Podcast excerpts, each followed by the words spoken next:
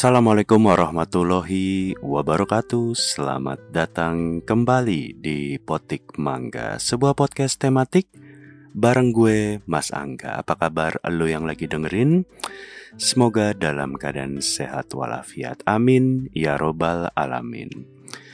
Um, Para pemetik mangga sekalian um, Kalau bicara berita yang paling banyak diomongin belakangan ini untuk topik sepak bola dalam negeri, sepak bola Indonesia khususnya, uh, memang yang lagi banyak diomongin sayangnya bukan prestasi timnas Indonesia mendapatkan title juara atau mendapatkan hasil yang menggembirakan. Jadi um, berita tentang sepak bola Indonesia itu belakangan adalah terpilihnya Ketua Umum PSSI yang baru untuk periode 2023 sampai 2027 kalau gua nggak salah. Jadi Bapak Erick Thohir secara voting memenangkan pemilihan Ketua Umum PSSI yang baru. Jadi buat lo yang mungkin malas ngikutin beritanya, buat boomers yang mungkin nggak ngikutin berita satu persatu, gue hari ini akan mencoba merangkum buat lo sepengetahuan gue tentunya dan gue akan ceritain ke lo mengenai pemilihan ketua umum PSSI yang baru ini dan bagaimana nanti mungkin ke depannya akan seperti apa. Jadi um, kemarin di bulan Februari 16 Februari 2023 di Jakarta ada kongres luar biasa PSSI. Jadi kalau lo nggak tahu PSSI itu apa, PSSI adalah Persatuan Sepak Bola Seluruh Indonesia. Barangkali lo nggak tahu kepanjangan PSSI apaan.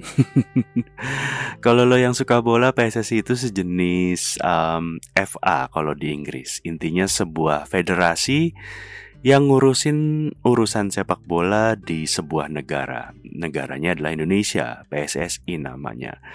Jadi kemarin ada kongres luar biasa PSSI dan kenapa luar biasa?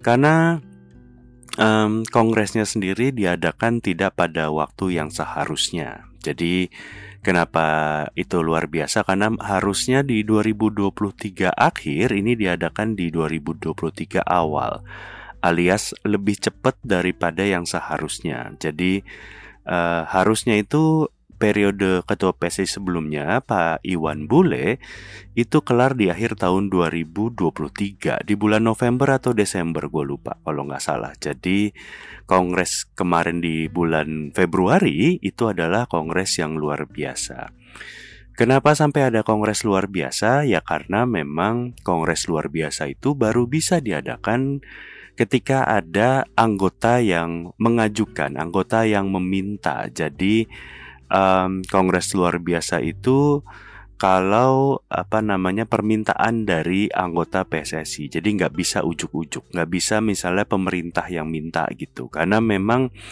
uh, PSSI dan bahkan seluruh federasi sepak bola di negara mana pun konon dan seharusnya sifatnya independen dan tidak bisa diatur oleh pemerintah di negara tersebut.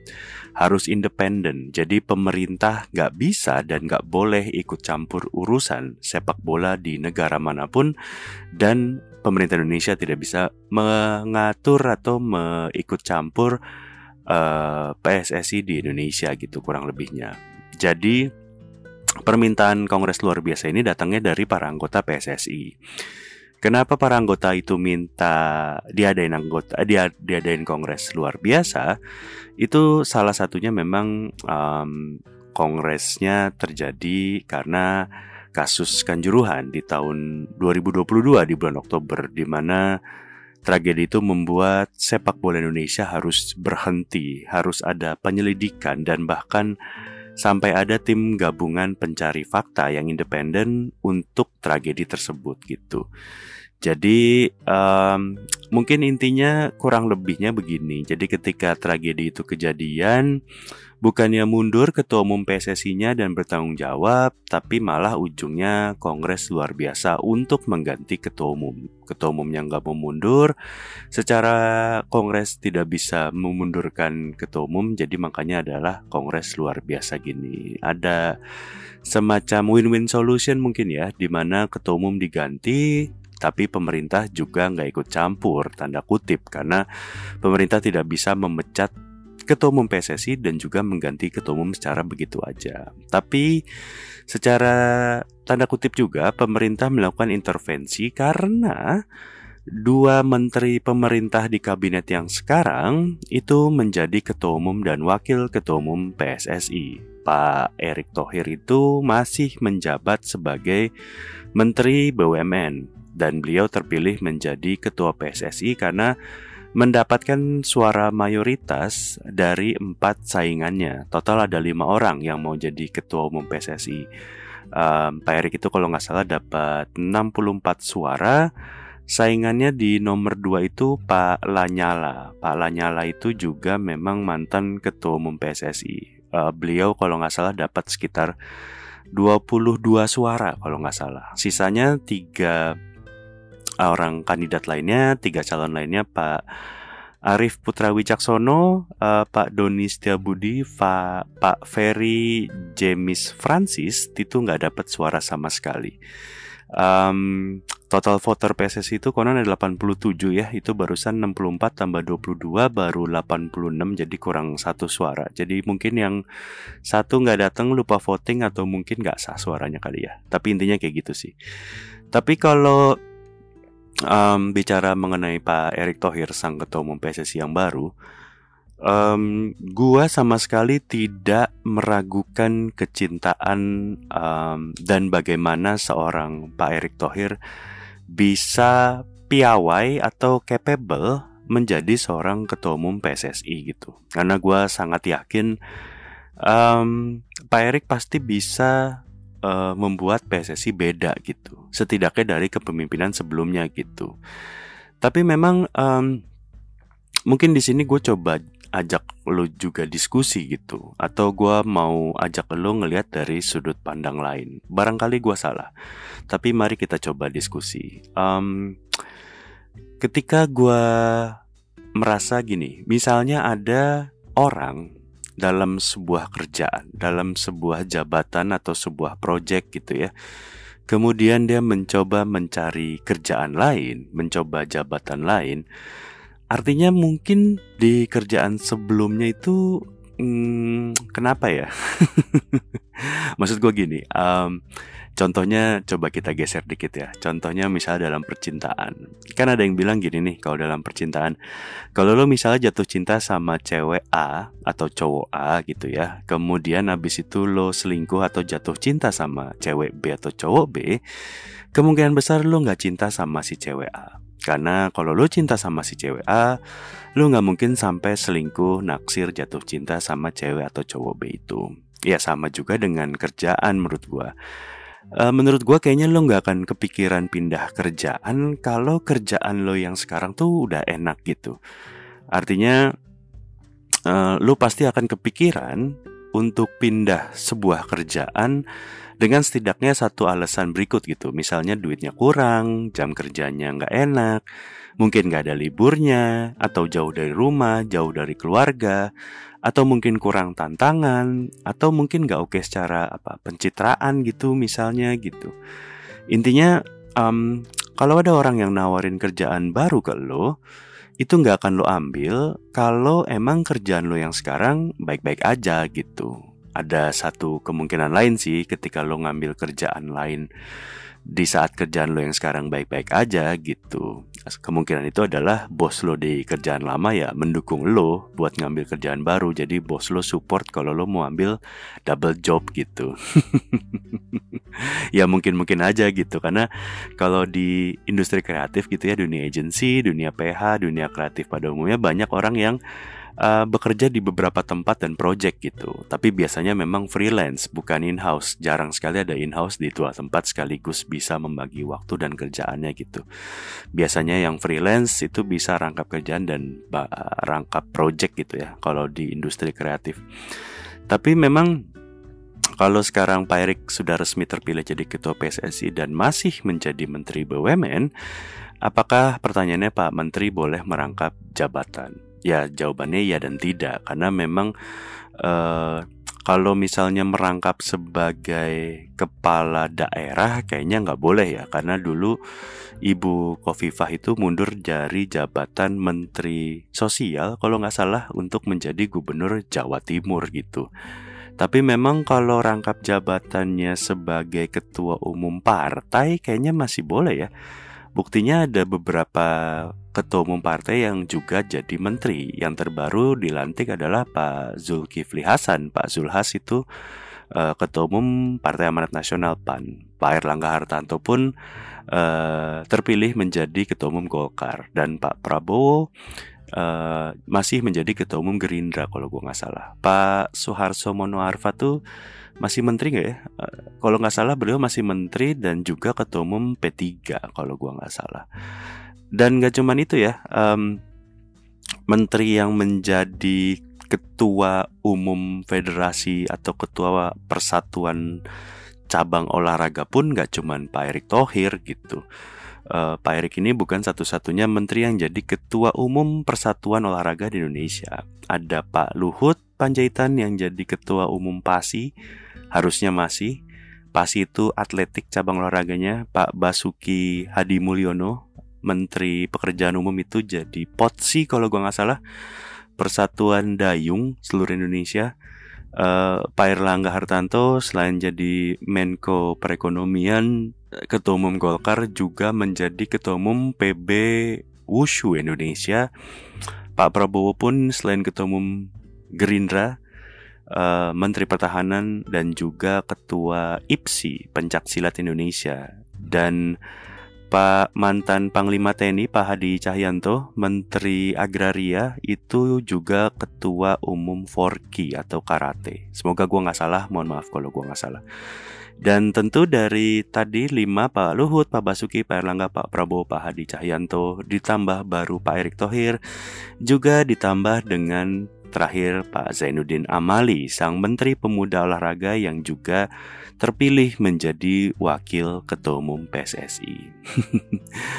Mungkin buat lo yang gak ngerti, ini agak lucu ya, Menteri Olahraga tapi wakil ketua umum PSSI gitu terdengar sebagai wali kota yang juga menjabat sebagai wakil lurah gitu misalnya tapi yang tadi gue bilang PSSI itu tidak di bawah pemerintah yang artinya tidak dibawa Kemenpora. PSSI itu adalah sebuah federasi independen yang hanya bertanggung jawab kepada FIFA, induk olahraga Federasi Sepak Bola Dunia. Makanya Pak Menteri Olahraga um, itu tidak di atas PSSI. Jadi memang ini Walaupun dia menteri olahraga se-Indonesia, dia sekarang menjadi wakil ketua umum sepak bola gitu ya. kok bisa gitu? Kalau mungkin lo mikirnya kok bisa ada Menpora yang harusnya bertanggung jawab penuh atas semua olahraga menjadi wakil ketua umum sebuah olahraga doang gitu. Artinya memang agak terdengar uh, rancu tapi ya begitulah adanya gitu. Walaupun memang posisi Menpora itu dari dulu gue suka bingung ya Kenapa dari dulu kayaknya Menteri Pemuda dan Olahraga itu nggak pernah menterinya muda dan nggak pernah olahraga gitu kayaknya ya. Biasanya kan diisi sama orang dari partai ya, bukan mantan atlet atau dari organisasi kepemudaan gitu ya. Tapi nggak cuman itu yang aneh ya. Kemarin kalau lo nggak ngikutin uh, pemilihan wakil ketua umum PSSI-nya pun agak aneh aneh dalam artian memang nggak biasa gitu karena pada saat awalnya pemilihan pertama calon Wakil Ketua Umum PSSI, Waketum PSSI ini ada tiga dapat suara, sisanya 13 nama itu kosong gak ada yang milih. Tiga nama yang dapat suara itu Pak Menpora Zainuddin Amal itu dapat 66 suara, Pak Yunus Nusi 63 suara, kemudian ada Bu Ratu Tisha itu 41 suara. Jadi memang dari hasil voting yang pertama itu harusnya jadi Waketum Pak Zainuddin Amali dan Pak Yunus Nusi gitu. Tapi kemudian um, voting pertama ini diprotes oleh para peserta kongres. Jadi memang sempat ada VAR lah Jadi diprotes, kemudian macam di sepak bola dicek VAR gitu. Jadi uh, pemilihan yang pertama itu dianggap tidak sah karena memang konon banyak kertas suara yang hilang. Ada yang milih calon lain, tapi ternyata pada saat pengumuman cuma ada tiga nama yang dapat suara gitu. Ini juga agak aneh kok bisa kertas suara hilang padahal dilakukan di Kongres yang diadakan di ruang tertutup kertas suaranya hilang tuh hilang di mana gitu Maksud gue kalau pemilu kayaknya masih ada kemungkinan kertasnya hilang gitu. Karena ketika lo nyoblos di sebuah TPS TPS itu kan habis dihitung dikirim lagi ke pusat untuk dihitung ulang gitu ya. Ini kan dihitung di situ orangnya ke mana-mana kertas suaranya hilang kok bisa hilang gitu? Lo bayangin lo voting lo masukin kotak suara tiba-tiba hilang hilang di mana gitu kan? Di situ nggak ada pesulap ya Yang kita tidak saling kenal sebelumnya kemudian kertas suaranya hilang. Dus Ya alhasil karena ada protes, kemudian disaksikan juga sama perwakilan FIFA, semua sepakat akhirnya votingnya diulang. Dan hasilnya memang berbeda dengan voting yang pertama, di mana di voting yang kedua Ratu Tisha dapat suara paling banyak 54 suara. Nomor duanya Pak Yunus Nusi 53 suara, e, nomor tiganya Pak Menpora Zainuddin Amali. Sisanya juga ada beberapa yang dapat tiga suara, dapat dua suara, dapat satu suara. Jadi total dari sekitar 16-an orang calon waketum ada 10 orangan lah yang dapat voting. Cuma ada beberapa yang akhirnya beneran nol gitu. Jadi memang sesuai dengan hasil voting yang kedua harusnya Bu Ratu Tisha dan Pak Yunus Nusi yang jadi waketum. Tapi kemudian ada drama berikutnya di babak injury time ya sebelum wasit meniupkan peluit akhir. Ternyata Pak Yunus Nusi um, menyatakan bahwa dia resign dari Waketum sehingga menjadikan posisi ketiga Pak Zainuddin Amali yang menjadi Waketum. Ini juga menurut gua agak lain. Karena pertama kan Pak Yunus sama Pak Zainuddin tuh yang menang sebelum kena VAR Akhirnya sekarang Bu Ratu Tisa sama Pak Yunus Nusi Kemudian Pak Yunus Nusi akhirnya resign Sehingga menjadikan Bu Ratu Tisha dan Pak Zainuddin Amali yang menjadi wakil ketua umum Artinya Gue masih nggak ngerti kenapa Pak Yunus Nusi ikutan jadi waketum terpilih dua kali dan ujung-ujungnya resign gitu. Ya kalau lo mau resign ngapain dari uh, kenapa nggak dari awal gitu? Nggak usah ikutan jadi waketum sekalian gitu. Dan juga memang ya ini apa ya? Mungkin guanya nggak ngerti ya. Kenapa proses pemilihan ketua umum PSSI dan wakil ketua umum PSSI itu dipisah gitu ya? Karena harusnya kan ketua sama wakil ketua itu adalah satu paket ya. Jadi pilihannya mungkin apa namanya kalau lo nggak milih ketua dan wakil ketua sekaligus secara sepasang atau lo pilih ketua aja nanti wakil ketuanya dipilih oleh si ketua yang menang gitu maksud gue sungguh gue agak kurang paham sih tapi memang um, ya gue juga kurang pahamnya adalah bagaimana orang-orang yang mau menjadi sebuah uh, posisi ketua umum dan wakil ketua umum PSSI yang konon ini nggak ada gajinya. Ya gue yakin sih mungkin ada uangnya ya karena kayaknya bekerja tanpa uang operasional setidaknya kayaknya agak terlalu naif gitu. Tapi kalau bicara gaji ketua umum PSSI gue kemarin sempet googling gitu ya dan dari beberapa artikel yang gue baca ini dari pernyataan Pak Iwan Bule gitu Pak Iwan Bule katanya pernah ngomong kalau ketua PSSI itu nggak digaji ya kalau gue sih nggak ada gajinya gue males ya jadi ketua umum PSSI gitu. Dulu aja jadi ketua kelas zaman sekolah aja males gitu udah nggak dapat gaji disuruh apa-apa kemudian kalau kejadian apa-apa tanggung jawab dipanggil guru dan seterusnya dan seterusnya gitu. Menurut gue sih kalau memang beneran gak ada gajinya ngapain lo ikutan jadi ketua umum PSSI gitu ya? Makanya gue heran kok orang bisa mau ya berlomba-lomba jadi ketua umum PSSI gitu apalagi memang ya ini Pak Erick Thohir kan bukan pengangguran ya. Pak Erick Thohir ini um, Menteri BUMN dan Pak Zainuddin Amali adalah Menteri Olahraga gitu. Mereka berdua mau menjadi Ketua PSSI dan Wakil Ketua Umum PSSI gitu. Ya konon sih ada yang bilang netizen kalau menjadi pengurus sepak bola adalah jabatan yang basah gitu. Tapi kalau gue pikir-pikir ya, uh, gue rasa ngurus bola bukan hal yang basah gitu ya. Ngurus sepak bola itu kurang basah gitu. menurut gue yang lebih basah itu misalnya ngurus olahraga renang ngurus olahraga polo air ngurus olahraga loncat indah. Nah menurut gue itu lebih basah ketimbang sepak bola gitu. Karena kan bola biasanya basahnya kalau hujan doang ya. Kalau nggak hujan nggak basah gitu. Tapi balik ke sepak bola dan PSSI gitu ya. Sepak bola Indonesia tuh menurut gue problematik lah artinya kayaknya nggak cuman Pak Iwan Bule gitu ya. Kayaknya ketua-ketua umum sebelumnya pun kalau bicara prestasi sepak bola timnas, kayaknya nyaris tanpa prestasi gitu ya. Tanpa mengecilkan misalnya prestasi timnas U19 menang Piala AFF gitu.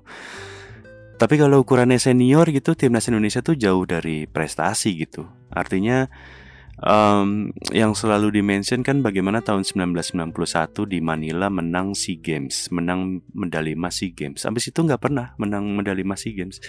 Piala AFF yang cuman dibikin um, antar region Asia Tenggara aja Indonesia belum pernah jadi juara, selalu mentok di runner up. Terakhir pun di 2021 ya, itu juga jadi runner up.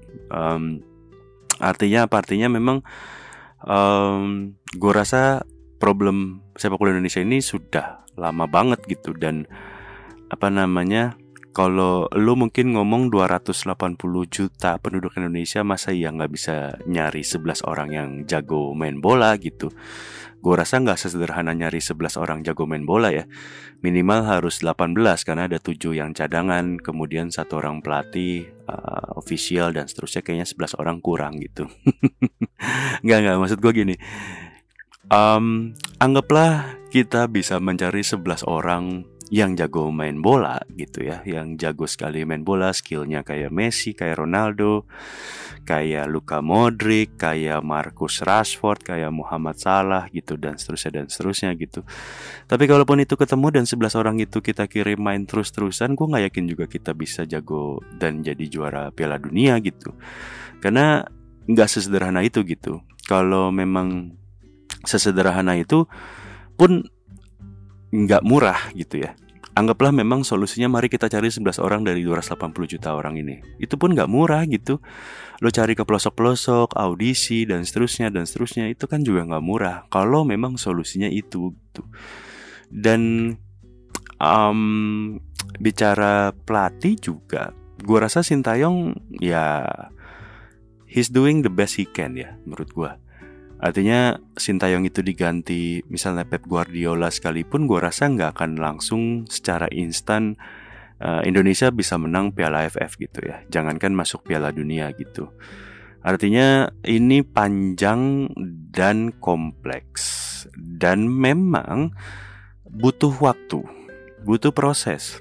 Dan apakah Pak Erick Thohir dan jajarannya bisa membawa Indonesia ke arah yang lebih baik? Menurut gua ya kita harus optimis dan berharap.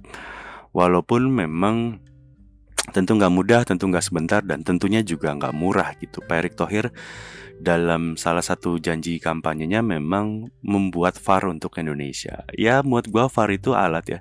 Kalaupun memang kita punya budgetnya untuk bikin VAR, VAR at the end of the day tetap dikendalikan oleh manusia gitu. Dan artinya memang balik lagi ke sumber daya manusianya apakah sanggup untuk bisa menggunakan teknologi tersebut gitu.